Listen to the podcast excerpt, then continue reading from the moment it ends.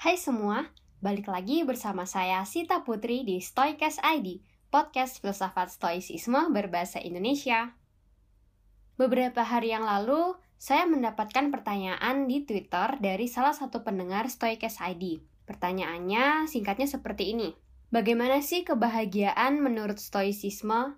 Kalau bisa, mohon dibahas di episode selanjutnya ya. Melalui pertanyaan ini, saya lalu menyadari bahwa Sebagian besar orang memiliki tujuan hidup, yaitu untuk mencari kebahagiaan. Hal ini juga berkaitan dengan tujuan utama berlatih filsafat Stoa. Selain untuk mengurangi perasaan negatif yang berlebihan, kemudian mengurangi rasa khawatir dan rasa cemas juga, tujuan utama dari berlatih filsafat Stoa juga mencapai apa yang disebut dengan ataraksia. Ataraksia ini adalah kebahagiaan versi filsafat Stoicisme. Nah, di episode 13 kali ini, saya akan membahas tentang bahagia versi stoicisme yang disebut dengan ataraksia. Saya hampir aja lupa membahas topik yang satu ini, karena topik ini juga nggak kalah pentingnya dari topik-topik lainnya dari filsafat stoicisme. Kalau gitu, langsung aja yuk kita bahas topik utama kita di episode 13 Stoicast ID.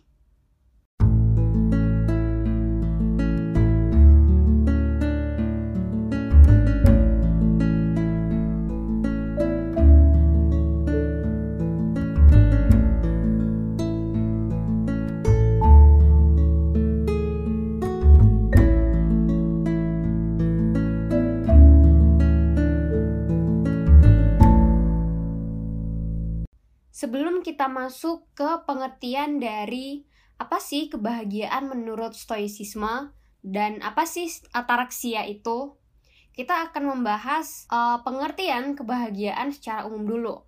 Nah, menurut Wikipedia Bahasa Indonesia, kebahagiaan adalah keadaan di mana pikiran atau perasaan kita itu merasa cukup hingga kita bisa mencapai kesenangan, cinta, kepuasan, kenikmatan, atau kegembiraan yang intens.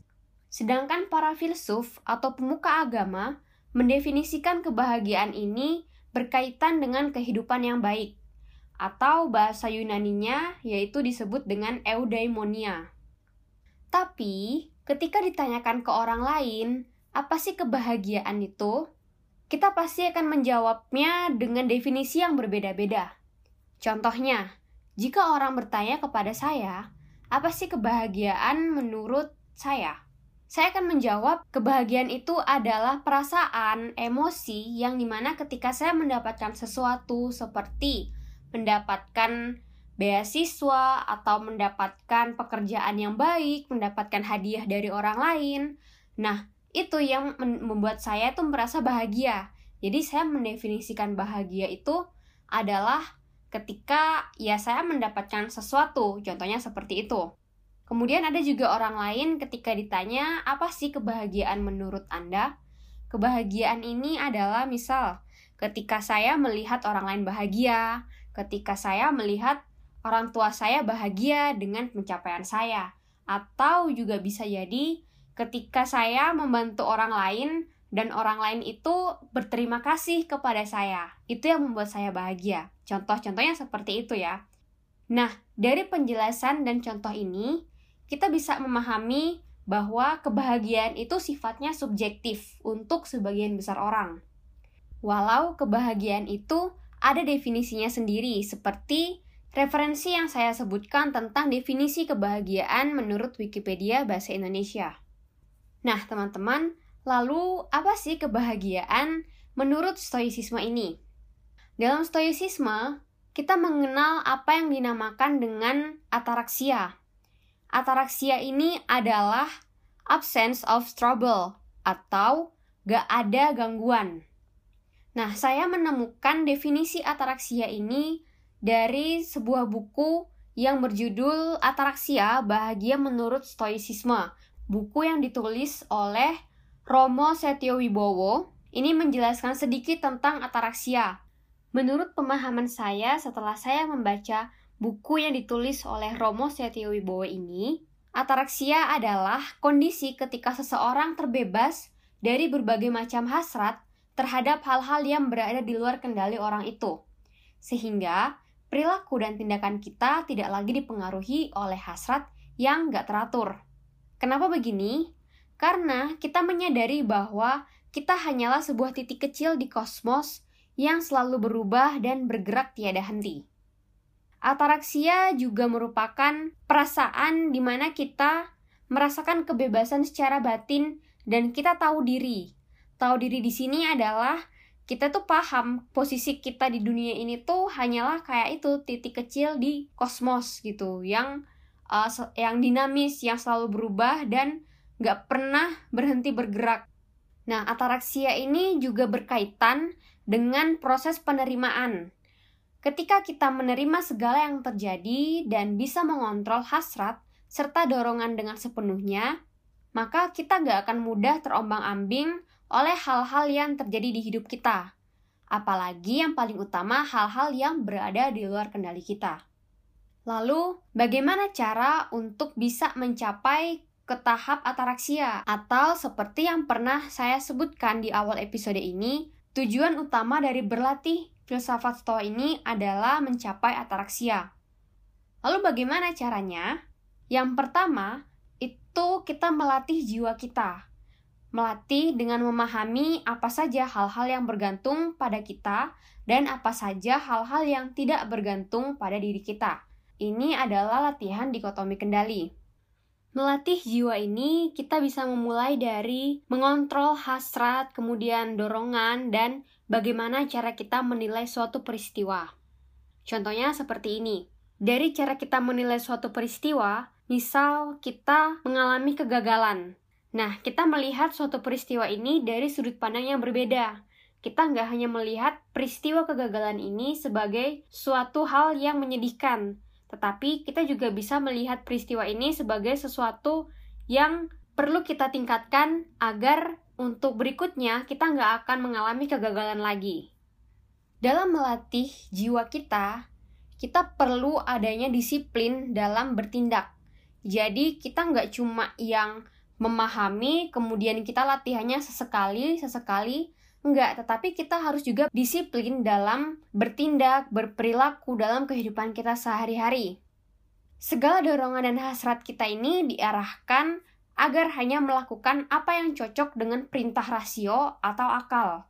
Nah, jika teman-teman sudah terbiasa, cara penilaian kita akan sesuai dengan logos, yakni salah satu prinsip stoa yang merupakan hidup selaras dengan alam. Jadi kalau misalnya kita sudah berlatih, sudah uh, terbiasa untuk bertindak sesuai dengan perintah dari rasio atau akal kita, maka kita akan mudah untuk memahami bahwa oh kita ini sudah selaras hidup dengan alam. Berarti kita sudah menerapkan salah satu prinsip dari filsafat Stoa ini, yaitu hidup selaras dengan alam. Kemudian yang selanjutnya, terkait dengan proses penerimaan, tentu saja kita harus melatih amor fati, di mana kita memahami bahwa segala peristiwa itu terjadi karena ada alasan dan gak hanya sekedar menerima nasib aja, tetapi kita juga mencintai nasib kita dan menjadi lebih baik dengan nasib tersebut. Dengan amor fati ini bukan berarti kita hanya pasrah ya dengan keadaan. Tetapi misal ada sesuatu yang ya itu tuh udah nggak bisa diubah lagi gitu. Kita mau berbuat apa pun, kita nggak bisa rubah. Misalnya kita mau nangis, kita mau marah, kita mau sebel, sedih, itu tuh nggak akan berubah gitu. Suatu peristiwa itu nggak akan berubah sesuai dengan kita karena ya itu sudah terjadi itu tuh nasib kita satu-satunya cara ya ini yang menerima nasib itu dan kita menjadi lebih baik dengan nasib itu jadi, kesimpulannya dari penjelasan yang singkat ini tentang kebahagiaan versi stoicisme, definisi kebahagiaan itu subjektif bagi setiap orang. Tetapi, kebahagiaan menurut stoicisme adalah ketika batin kita itu bisa terbebas dari hasrat dan dorongan yang berada di luar kendali kita, sehingga perilaku kita bisa lebih terkendali, kita nggak akan merasa kehilangan diri kita yang sesungguhnya. Kita tahu bahwa tindakan-tindakan kita itu atas kendali kita semua gitu. Jadi kita berperilaku itu ya sesuai dengan apa yang disebut dalam prinsip stoicisme, selaras dengan alam. Kemudian untuk mencapai ataraksia, kita perlu kedisiplinan yang tinggi dalam melatih jiwa dan mencintai nasib kita. Apakah nasib kita itu baik atau nasib kita itu buruk, kita perlu melatih untuk mencintai dan menerima nasib kita tersebut. Dan tidak hanya sampai mencintai dan menerima nasib, tetapi gimana caranya kita bisa menjadi lebih baik dengan kondisi atau nasib yang kita alami. Lalu mungkin ada pertanyaan, apakah bisa orang mencapai ataraksia, di mana orang itu tidak akan merasa terganggu dengan hal-hal yang berada di luar kendalinya. Kemudian dia juga bisa terbebas dari segala bentuk hasrat dan dorongan, terutama yang sifatnya duniawi. Oke, teman-teman, di tengah-tengah kondisi kehidupan seperti ini, mungkin memang agak sulit ya untuk mencapai uh, ataraksia ini. Karena ya hanya orang bijaklah yang bisa mencapai kondisi ataraksia. Mungkin dari kita hanya sampai dapat mengurangi. Misalnya, uh, yang dulu kita sangat menggebu-gebu dan kita tuh sangat emosional, bisa sangat berlebihan gitu ya. Tetapi ketika kita melatih secara konsisten, secara disiplin, dikotomi kendali, dan juga amor fati, kita bisa sedikit demi sedikit mengurangi hasrat dan dorongan kita, kemudian juga kita bisa lebih menerima nasib yang digariskan kepada kita. Saya bilang agak susah karena ya kondisi kita yang dengan adanya teknologi yang kita nggak bisa uh, sekarang mau hidup tanpa teknologi pun agak susah gitu ya kalau mungkin di zaman Yunani kuno dulu, tapi saran dari saya adalah berbahagialah dengan definisi kebahagiaanmu sendiri dan bukan mengikuti definisi bahagia dari orang lain. Karena kita nggak bisa menyamakan peristiwa di hidup kita dengan apa yang terjadi di kehidupan orang lain. Kita semua punya peristiwa sendiri-sendiri dan tentang gimana cara kita memandang peristiwa itu dan memandang peristiwa orang lain itu juga pasti berbeda. Jadi silakan definisikan kebahagiaan teman-teman sendiri. Jangan pernah samakan definisi kebahagiaan kita dengan definisi kebahagiaan orang lain. Oke teman-teman, kesimpulan tadi menjadi penutup di episode kali ini. Terima kasih ya sudah mendengarkan episode 13 Toycast ID hingga selesai. Jangan lupa share podcast ini jika menurut teman-teman bermanfaat.